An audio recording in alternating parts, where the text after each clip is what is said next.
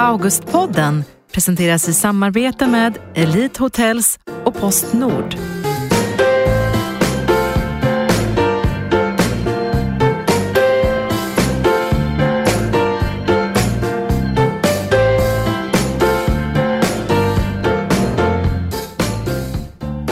Du lyssnar på Augustpodden med mig Tara Moshisi och det här avsnittet ska handla om kärlek i litteraturen. Vi ska vända ut och in på såväl bultande som brustna hjärtan. Vilka är de bästa skildringarna av kraschade kärleksrelationer? Och finns det någon roman som kan plåstra om det hjärta som blöder? Gäst i det här programmet är en kvinna som alltid satt kärleken i främsta rummet, både i sin populära blogg och i sina två ungdomsromaner. Vid sidan av inlägg om söta taxar, perfekt tillagad kyckling eller blöta festnätter i Paris så delar hon med sig av sina upplevelser av såväl lycklig blomstrande romantik som sorgen över att bli dumpad. Allt det här på bloggen 9 5.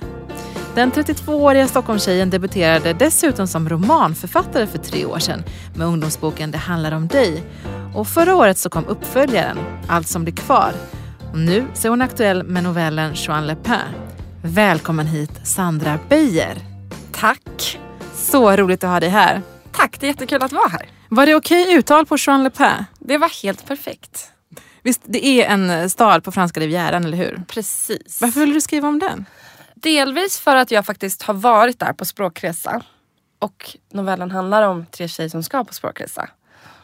Och också för att det finns något romantiskt eh, sorgligt skimmer över sådana här på något vis tycker jag. Och att längta dit gör det extra sad på något vis. Det där vill jag veta allt om. Eh, men Sandra, jag tänkte ändå börja med att fråga dig, vilket är ditt bästa läsminne? Eh, förlåt. Alltså, mitt bästa läsminne måste nog bli precis de där åren när man liksom har lärt, lärt sig att läsa själv eh, när jag var sju, åtta år och liksom började ta mig an böcker ensam utan att en förälder läste högt. Och då var det framförallt hela Narnia-serien som bara blew me away. Oh, du gick ut hårt! Ja, men, ja. ja faktiskt. Och Den oändliga historien av Mikael Ende. Eh, de, de var mina bästa böcker i lågstadiet. Eh, att liksom försvinna in i någon annan värld att det fanns någonting bak, bakom garderoberna och så vidare. Triggade det igång din fantasi på något sätt? Ja men så måste det absolut varit. Och att det, men, hela den idén om att det finns en parallell värld att upptäcka som är mycket liksom bättre och mer spännande än den här. Där man liksom får vara hjälte lite roligare än ens egen trista vardag många gånger faktiskt. Verkligen. Eh, Sandra, på din blogg så delar du ofta med dig också om så bilder på din lägenhet och hur du har möblerat om och dekorerat. Mm. Eh, men om jag skulle titta in i din bokhylla, vad skulle jag hitta då? Ja, men min bokhylla är ganska stor, eller den tar över liksom en hel vägg och är färgkoordinerad. Och det är nog för att, delvis för att jag tycker att det är fint såklart, men också för att jag nog har ett bildminne. Jag är jättedålig på att komma ihåg typ tittare och författare utan minns mer typ så här, den här boken som var så jäkla bra och var turkos. och därför hittade jag väldigt enkelt i den. Liksom. Men du, jag känner igen det här med att komma ihåg böcker över hur, vilken färg de hade. Mm. När jag eh, tipsade om böcker i ett program som heter God kväll på SVT, eh, då kunde folk så här, höra av sig efteråt och fråga efter vad det var för böcker som jag tipsade om. Och då var det inte så här, ja ah, men den där, den där författaren du tipsade om, utan det var så här, du, du pratade om en gul bok för en månad sedan, så här, vilken var det? Så jag tror att det är så här, ja, där färgminnet spelar roll. Det tror jag absolut. Men jag tycker att det är lite lurigt just att eh, sortera sin bokhylla i färg. Jag, jag, har också gjort det nämligen hemma. Men jag insåg också att så här, det är väldigt många böcker som har svarta ryggar. Intressant! Alltså i min bokhylla har jag problem med de rå, rosa och röda. Hur kan rosa och rött vara ett problem? Ja, jag tycker bara att det låter härligt. De är för många, de har inte plats på den sidan. Ja men det tycker jag ändå indikerar på någonting. Eh, rosa och rött Visst är det ganska mycket kärleksromaner? Ja, men så kan det nog vara. det här avsnittet handlar just om kärlek. Finns det någon bok om kärlek som har fått ditt hjärta att bulta lite extra? Alltså, jag älskar ju Den allvarsamma leken av Hjalmar Söderberg och också uppföljaren, eller vad man ska kalla den för, Lydia av Gun-Britt Sundström. Båda de, han, alltså framförallt Den allvarsamma leken som är ju en roman från 1905 som handlar om två personer som aldrig riktigt får varandra.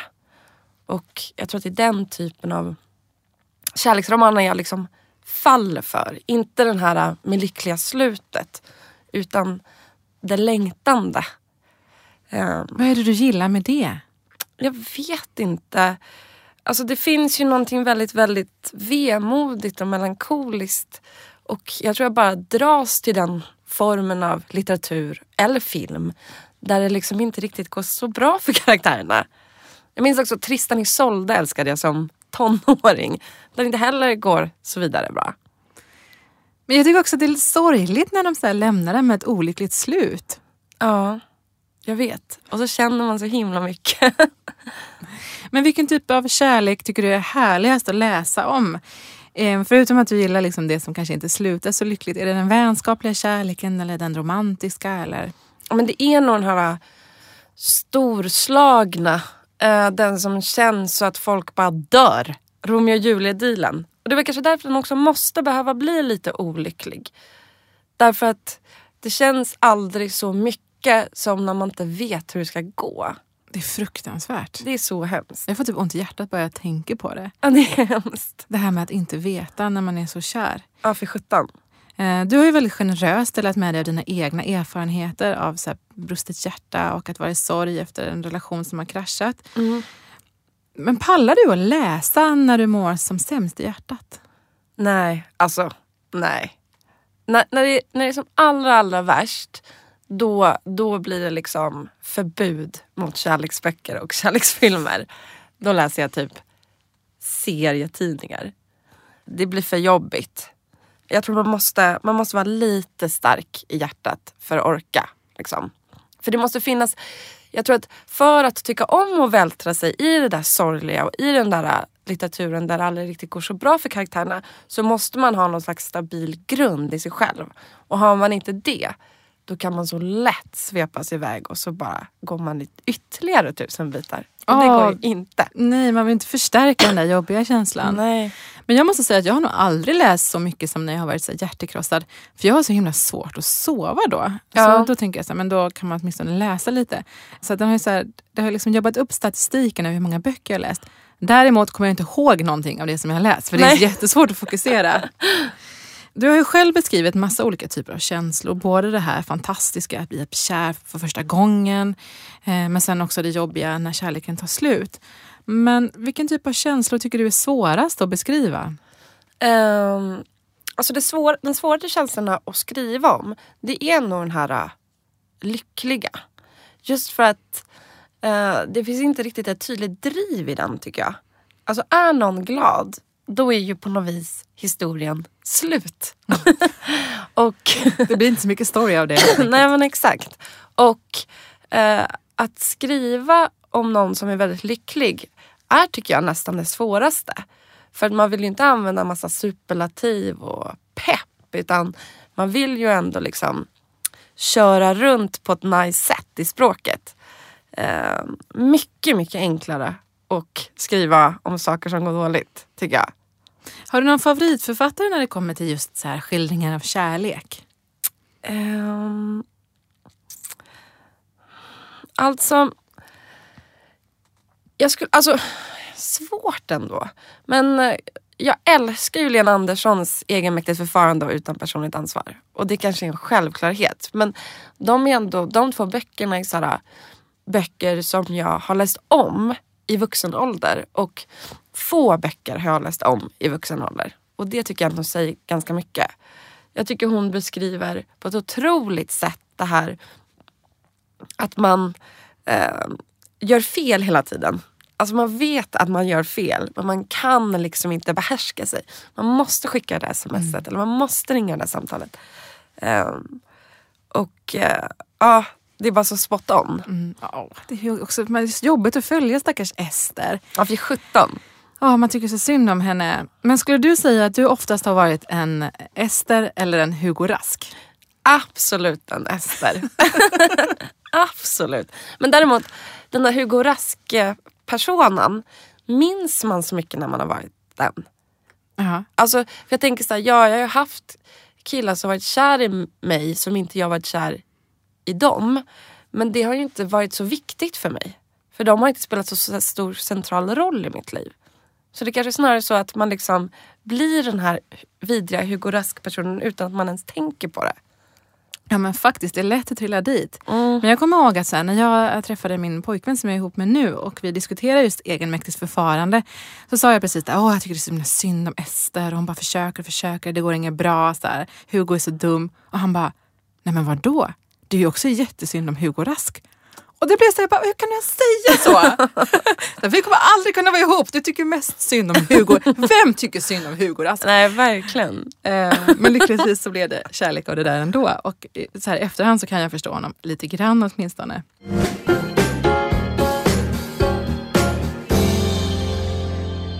Jag har bett dig att ta med så en rad eller ett stycke ur, eh, ur någon kärleksroman som betyder lite extra mycket för dig. Mm. Jag är så nyfiken på vad du har valt. Ja, eller hur? Alltså, jag tog faktiskt med mig en dikt av Kerstin Thorvall. Mm. Som heter Till slut. Den vill jag höra. Som jag tycker är så himla sorglig. Ja, Okej, nu ska jag läsa. kör hårt. Till slut. Till slut vågade jag alltså. Och det var därför jag fick dig. Som belöning fick jag dig. Och det gjorde mig övermodig. Hybris heter det visst. När man retar gudarna och är lycklig fast man vet att det är farligt. Men så modig var jag och jag tänkte, nu blir jag aldrig rädd mera. Nej, nu kommer de inte åt mig. Så tänkte jag, för jag var ju inte riktigt klok. Tokig var jag. Och det var dina händer. Det var din kropp som gjorde det. Det var du. Så det är ditt fel. Hör du det? Det är ditt fel. Men inte förstår du det. Alltså det är så mycket power i den där dikten. Den är så fin. Hur upptäckte du den? Alltså majoriteten av dikter hittar jag på Pinterest. Och sen kan man trycka på en bild och då så kommer allting som hör ihop med den. Och därigenom hittar jag liksom den poesi som jag tycker om som jag sen går och köper. Jaha, jag hade ingen aning om att Pinterest var så stort när det kommer till eh, poesi. Jo, den är jättestor i svensk poesi. Så att man liksom... Jättebra forum för att finna poesi som man tycker om. För den hjälper en att hitta liksom, gillar du det här? Gillar du också det här? Eh, Pinterest är för de som inte känner till det dels en app och sen ska, kan man ha det också på sin vanliga dator. Det är en sida eh, där man kan samla bilder helt enkelt. På Exakt, det är som man en bokmärkesfunktion kan man säga. Men du, om jag ska leta upp riktigt bra dikter på Pinterest, vad ska jag söka på då? Men du ska söka på en poet som du tycker om. Och då kommer det komma upp hundratals liknande. Oh, det, Det låter är underbart. kul. Kanske lite övermäktigt men kul. Man kan sitta där hela dagen. Hur upptäckte du dikter? Men jag har nog alltid liksom dragits till det. När jag var eh, när jag var tonåring så fanns det ett forum på internet som hette sockerdricka.nu. Som eh, var ett poesiforum. Och där kunde man lägga upp sina egna dikter och så kunde man gilla andras. Och det var där jag hängde under hela min tonår och skrev och skrev och skrev och skrev poesi. Eh, och blev liksom någon slags semi-kändis på det här sockerdricka.nu. Mina dikter liksom toppade alla listor, vilket var väldigt kul.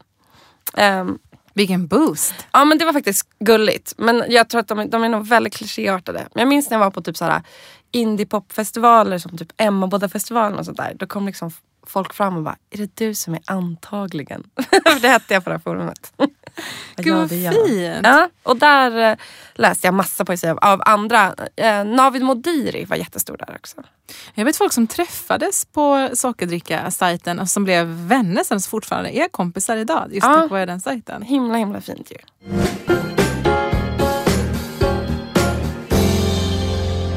Något som också hör ihop med att skildra kärlek är ju förstås sex och hångel. Det är mycket sånt också i dina ungdomsromaner. Mm. Mm, jag har alltid tänkt att det måste vara så svårt att skildra så här, fysisk kärlek. Allt som liksom snuddar ens vid sex. Mm. Eller är jag helt fel ute? Nej men absolut, det är, ju, det är ju en ganska snårig stig. Och jag tänker ganska mycket på det där och hur man ska tänka när man skriver om, om sex och hångel. Och jag tror att, eller vad jag, vad jag har liksom själv funderat på i de sexscener i böcker som jag själv bara vill skämskudde. Eh, jag tror att problemet är att ibland så tänker folk att bara för att de skriver om sex och sexakten så ska det helt plötsligt vara sexigt. Och jag tror att det är där man kanske gör felet. När jag skriver om sex så är ju inte det för att trigga igång någon eller få någon kåt. Utan det är ju för att driva historien om den här karaktären framåt. Um, det ska inte vara sexigt. Då får ni läsa någonting annat. Det här ska ju bara vara en del i en scen i den här boken. Och till exempel i Det handlar om dig eh, så är det en sexscen där hon blir av med oskulden. Mm. Det är ju aldrig sexigt. Det är aldrig det sexigt. första sexet. Nej, men Nej. precis. Och då tänkte jag så här, hur sjutton ska jag skriva den här scenen ehm, så att hennes ångest liksom känns. Eh, och att hon, hon är inte, alltså hon är med i akten, det är ju ingen form av våldtäkt men det är ju ingenting som kanske är, är så kul i hennes liv just där då. Och då löste jag det genom att inte beskriva liksom egentligen de två utan eh, beskriva hur rummet ser ut, vad som är på TV, hur kudden känns, vad han har på sig och så vidare. Um, för så tycker jag det kan vara ibland när kanske sex inte är så jättekul eller um, eller ett sätt att bara skriva om sex utan att det behöver vara porrigt. Att bara beskriva rummet de är istället. Mm. Finns det någon författare eller någon bok som inspirerat dig just i det här greppet? Eh. Nej. nej. nej men, Du uppfann det själv. jag upp, nej Ja. men det är klart att det finns. Men det var bara, eh, när jag själv tänkte på det så kom jag fram till att det var så. Men ingen, ingen, specif, ingen specifik grepp jag kom på nu. Ja. Du skriver ju en hel del om böcker på din blogg men också om filmer. Mm. Och ibland, alltså man kan ju ändå känna att man ibland i vissa perioder i livet har haft lite så uppfackad syn på den romantiska kärleken. Mm. För, känner jag i alla fall för att jag har sett väldigt mycket så Hollywood-skildringar av den. Ehm, finns det någon bok eller någon film som har påverkat din syn på kärlek extra mycket? Alltså, jag vet inte. Jag tycker att det där är så himla svårt. För att jag är, alltså, jag är också så här um, en sucker för romantik. Och älskar att, att se på kärlek på film och läsa om kärlek. Och jag tror verkligen att den har fuckat upp min bild eh, av att det ska vara så himla storslaget och leva lyckliga alla dagar och så vidare. Men jag önskar att det fanns eh, någon film eller bok jag kunde rekommendera som bara skulle förbättra allt det här från andra. Men jag tror bara att jag är lika nedsörjad som precis alla andra i det här. Och du säger det med ett leende, för det kanske inte är något fel i det, eller? Nej, men, alltså det är ju som, som det är. Man är typ så här, en bricka i patriarkatet och så får man typ stå ut. Men det handlar väl också om att vara medveten om att man är det. Vilken var den senaste boken som du läste som handlar om kärlek? hmm, jag måste tänka. Uh, I och med att jag liksom lite går igenom ett breakup nu så undviker jag lite kärleksböcker. Um, istället så läser jag uh, böcker som inte alls handlar om kärlek. Eller som, den senaste boken som jag precis läste ut var Vegetarianen av Han Kang. Som är väl såhär motsatsen till kärlek skulle jag säga. Fast den handlar ändå om ett äktenskap Ja men exakt. som mår väldigt dåligt. som mår extremt dåligt. Ehm, men fokuset kanske inte är just kärlek utan mer typ ehm, hur män behandlar kvinnor. Ehm, men den var väldigt, väldigt bra och väldigt, väldigt obehaglig. Jag tycker Ehm. också om den. Ja, verkligen. Och handlar väl kanske lite om så här, syskonkärlek också kan man väl säga. Ja, jag tänker att det handlar också för att det handlar om en karaktär som bestämmer sig för att sluta äta kött. Och det här gillas ju inte av omgivningen.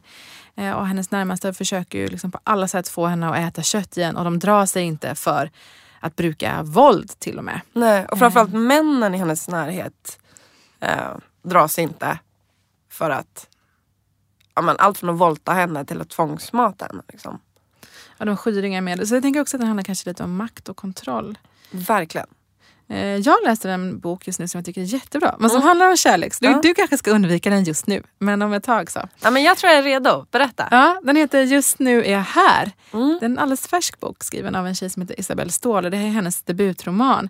Eh, och den handlar om en tjej som är 28 och heter Elise och bor i Stockholm. Och hon hänger mycket så på Tinder och hon jag skulle säga så här, hon slödejtar, hon så här slentriandejtar och hon liksom utnyttjar män lite grann kan man säga. Eh, och så får man följa henne i eh, men i den här jakten på eh, kickar, eh, oavsett om det handlar om att liksom hon tar piller för att få kickar eller dricker för mycket vin eller så här, eh, ligger med okända människor. Eh, men sen en dag så hittar hon någon som hon bryr sig om och då, blir det, då ter sig livet lite annorlunda helt enkelt. Det är också en väldigt, väldigt fin så här, Stockholmsskildring. För du Ja, har ju också kul. med väldigt mycket Ja. Stockholmsmiljöer i dina böcker. Jag. Alltså den här ligger faktiskt på min nattduksbord. Är det Då måste jag ta tag i den. Gör det. Den har fått Öppna den. jättefin kritik hörde jag. Mm, ta steget. Jag tror inte att du kommer ångra dig. Jag gör det. Ehm, så här är det. Mats Strandberg var ju gäst i förra avsnittet. Mm. Han skickade serieromanen Vej till dig. Ja. Och jag tänkte att du ska få göra samma sak. Du ska få lov att skicka vidare en bok som har betytt väldigt mycket för dig till nästa gäst. Vi Kul. vet inte riktigt vem det blir ännu, kan inte avslöja än. Nej. Men vilken bok vill du skicka vidare?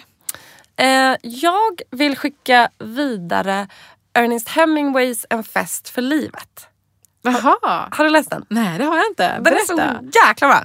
Eh, jag läste den förra sommaren och bara, du vet när man bara stänger ihop en eh, bok och bara wow. Wow, wow, wow, wow. Uh, den, är, um, uh, den utspelar sig, det är egentligen en självbiografisk roman som utspelar sig under 20-talen under hans år som så här, författare i Paris. Och han och hans crew eh, glider runt i Paris och skriver noveller och poesi för att överleva och säljer för så här 20, 20 spänn styck.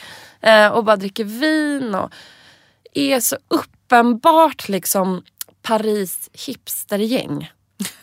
och Fast för hundra år sedan. Ja, men liksom, det är som att ingenting har förändrats på hundra år. Och den är så mysig. Och jag vill så himla gärna, man är liksom med i deras gäng och eh, man mår så bra när man läser den. Och man älskar dem allihopa. Det låter supermysigt. Det låter nästan som en bok som man vill förfesta med. Ja men verkligen. Och det är massa juicy skvaller om, om eh, författare och konstnärer från den tiden också såklart. En fest för livet av Ernest Hemingway. Mm. Den får nästa person som kommer sitta på den platsen där du sitter just nu. Jag ska också köpa ett ex till mig själv känner jag nu. Det verkar vara väldigt bra.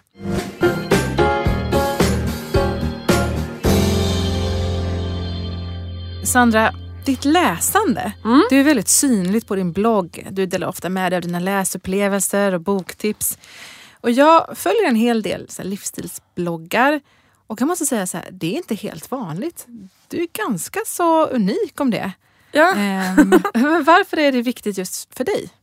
Ja, Men, alltså, delvis är det för att jag har ett eget läsintresse.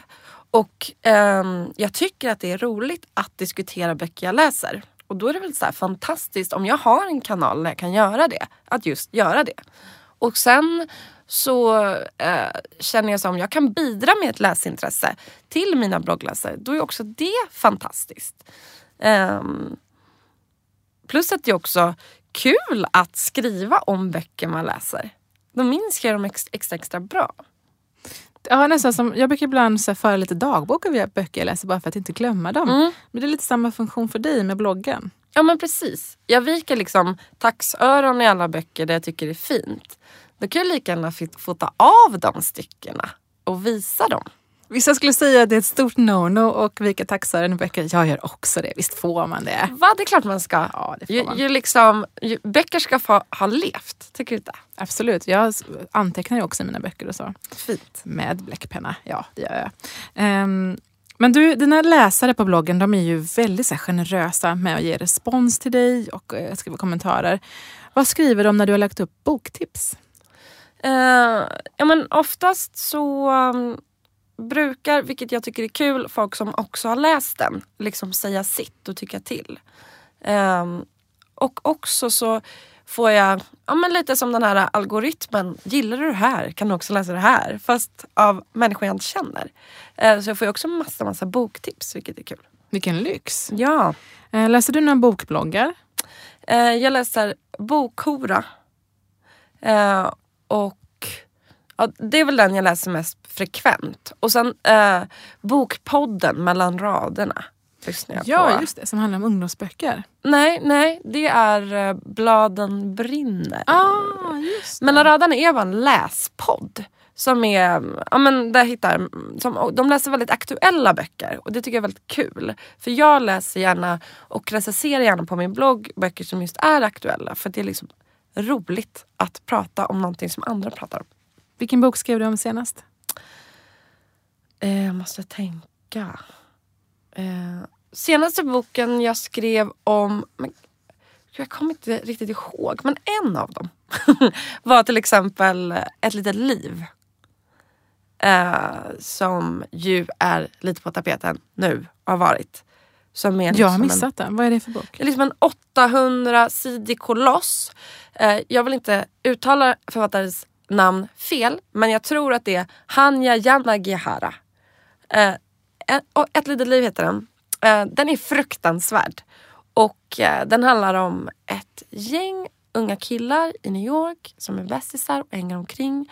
Och man typ myser med dem de första 350 sidorna. Och sen så ser man, börjar man märka att en av de här killarna eh, döljer något mörkt, förfärligt. Och långsamt men säkert bryts man som läsare ner. Hjälp! Ja, Tänker jag. jag var tvungen att gömma boken under sängen när jag läste den för att jag mådde så dåligt av den. Men den var ändå så pass bra så du vill rekommendera den. Ja, alltså jag, jag skrev om den i bloggen och bara snälla kan någon annan som har läst den här skriva vad ni tycker för det känns som jag lever ensam med de här karaktärerna inom mig jag mår så dåligt. Och då var det jätteförlösande att skriva om den för då fick jag så mycket människor som ville också samtala om den. Mm, gud vad skönt. Mm. Ehm, jag har inte läst den. Den låter ju som en mastig men bra historia. Jag tänker, ibland behöver man ju också när man gått igenom en sån där process som det är att ta sig igenom en bok som påverkar en så mycket. Då vill man ha någonting som är gött som man bara kan skratta lite åt. Då kan jag rekommendera den här boken till dig. Den handlar om kärlek förstås. Den heter Hur man förälskar sig i en man som bor i en buske. Och är skriven av en tjej som heter Emmy Abrahamsson. Eh, och det här är baserat på hennes egna berättelser. Spännande. Har du hört talas om den? Alltså är det den boken som handlar om en tjej som är kär i en hemlös man? Ja, precis. Ja, jag har inte läst den. Ehm, det här handlar om en, om en kvinna som bor i Wien och hon stöter på en kille som heter Ben och blir väldigt förtjust i honom. Men deras dejtande försvåras lite grann av att han helt enkelt bor i en buske. Ehm, men så handlar det om just att så här, våga se bort ifrån ytan och allt det där som vi liksom förknippar med attraktion kanske till en början. Eh, och faktiskt här, se, se människan bakom smutsen, bokstavligen. Emmy skriver så roligt. Alltså jag flabbade högt när jag läste den här boken. Den är Vad så lättsam och härlig. Ja, men det är som en här karamell som man kan unna sig ibland. Bra titel också. Ja. och sen när man tänker på att hon har upplevt det här själv på riktigt, det är ju mindblowing. Ja, verkligen. Jag kan tänka mig att du, eh, du har ju följt många karaktärer i böckernas värld. Finns det någon karaktär som du har kunnat så identifiera dig med mer än någon annan? Alltså svårt ju. Men eh, när jag var typ så här 14, när jag var 15-16 och läste Saker under huden av Linda Skugge så var det som att någon bara sköt mig i huvudet. Typ. alltså, jag, tyckte att På det ett skönt var, sätt? Ja, på ett skönt sätt men också på ett fruktansvärt sätt. För den handlar då, eh, alltså det är en otrolig bok. Den har precis kommit ut i en nyutgåva så jag kan verkligen rekommendera den. Ehm, men den handlar liksom om att vara tonåring och om att vara en del av ett gäng som tonåring. För att jag tycker det finns Man, man hänger i ett tjejgäng som är väldigt, väldigt tajt. Men samtidigt finns det ganska farliga strukturer i det här gänget som gör att man hela tiden känner sig utanför på ett sätt och ibland tvungen att göra saker man inte vill och så vidare. Och eh, den här boken handlar liksom om att vara väldigt, väldigt ensam. Och som tonåring och eh, det tonårsmörker jag bar på så var det som att någon bara skrev bara, bara till mig. Mm. Så det tyckte jag. och sen självklart som en liksom person som har läst väldigt mycket sen jag var väldigt liten så kunde jag ju relatera väldigt mycket till Matilda i Roald Dahl. Ja! Och min senaste bok, Allt som blir kvar, heter ju karaktären Matilda och det är ju på grund av det. Aha, vad fint! Vilken liten hyllning, eller så säga, fin kärlekshyllning till eh, Roald Dahls Ja. Matilda. Men okej, vi har ju pratat mycket om, eh, om just så här, kärlek i böcker och när det är härligt att läsa om det, när det inte är härligt att läsa kärleksromaner. Men om jag säger så här då, eh, om du får liksom tipsa mig ehm, om en enda bok om kärlek, den som jag liksom inte kan leva utan, vilken skulle det vara då? Wow. Um, ja men alltså Bodil Malmstens bok Det här är hjärtat Åh, det är så bra! är otrolig alltså. Helt otrolig. Eh, och att man kan läsa den liksom, man kan, man kan läsa den linjärt och man kan också hoppa runt i den. Och den eh, känns ju så mycket. Och så himla svår att få tag i. Ja, jag tror att jag lånade min från biblioteket. Det Ja. är svårt att få tag i Jag har lånat den av en vän. Ja.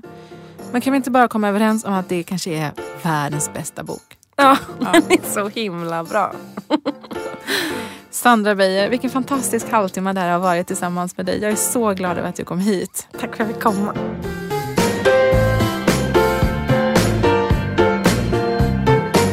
Du har lyssnat på Augustpodden med mig Tara Moshisi. Och följ gärna oss på sociala medier. Sök på Augustpriset på Facebook och Instagram. Där så hittar du Sandra Beijers boktips och en del glada bilder från inspelningen. Tack för att du lyssnat. Augustpodden presenteras i samarbete med Elite Hotels och Postnord.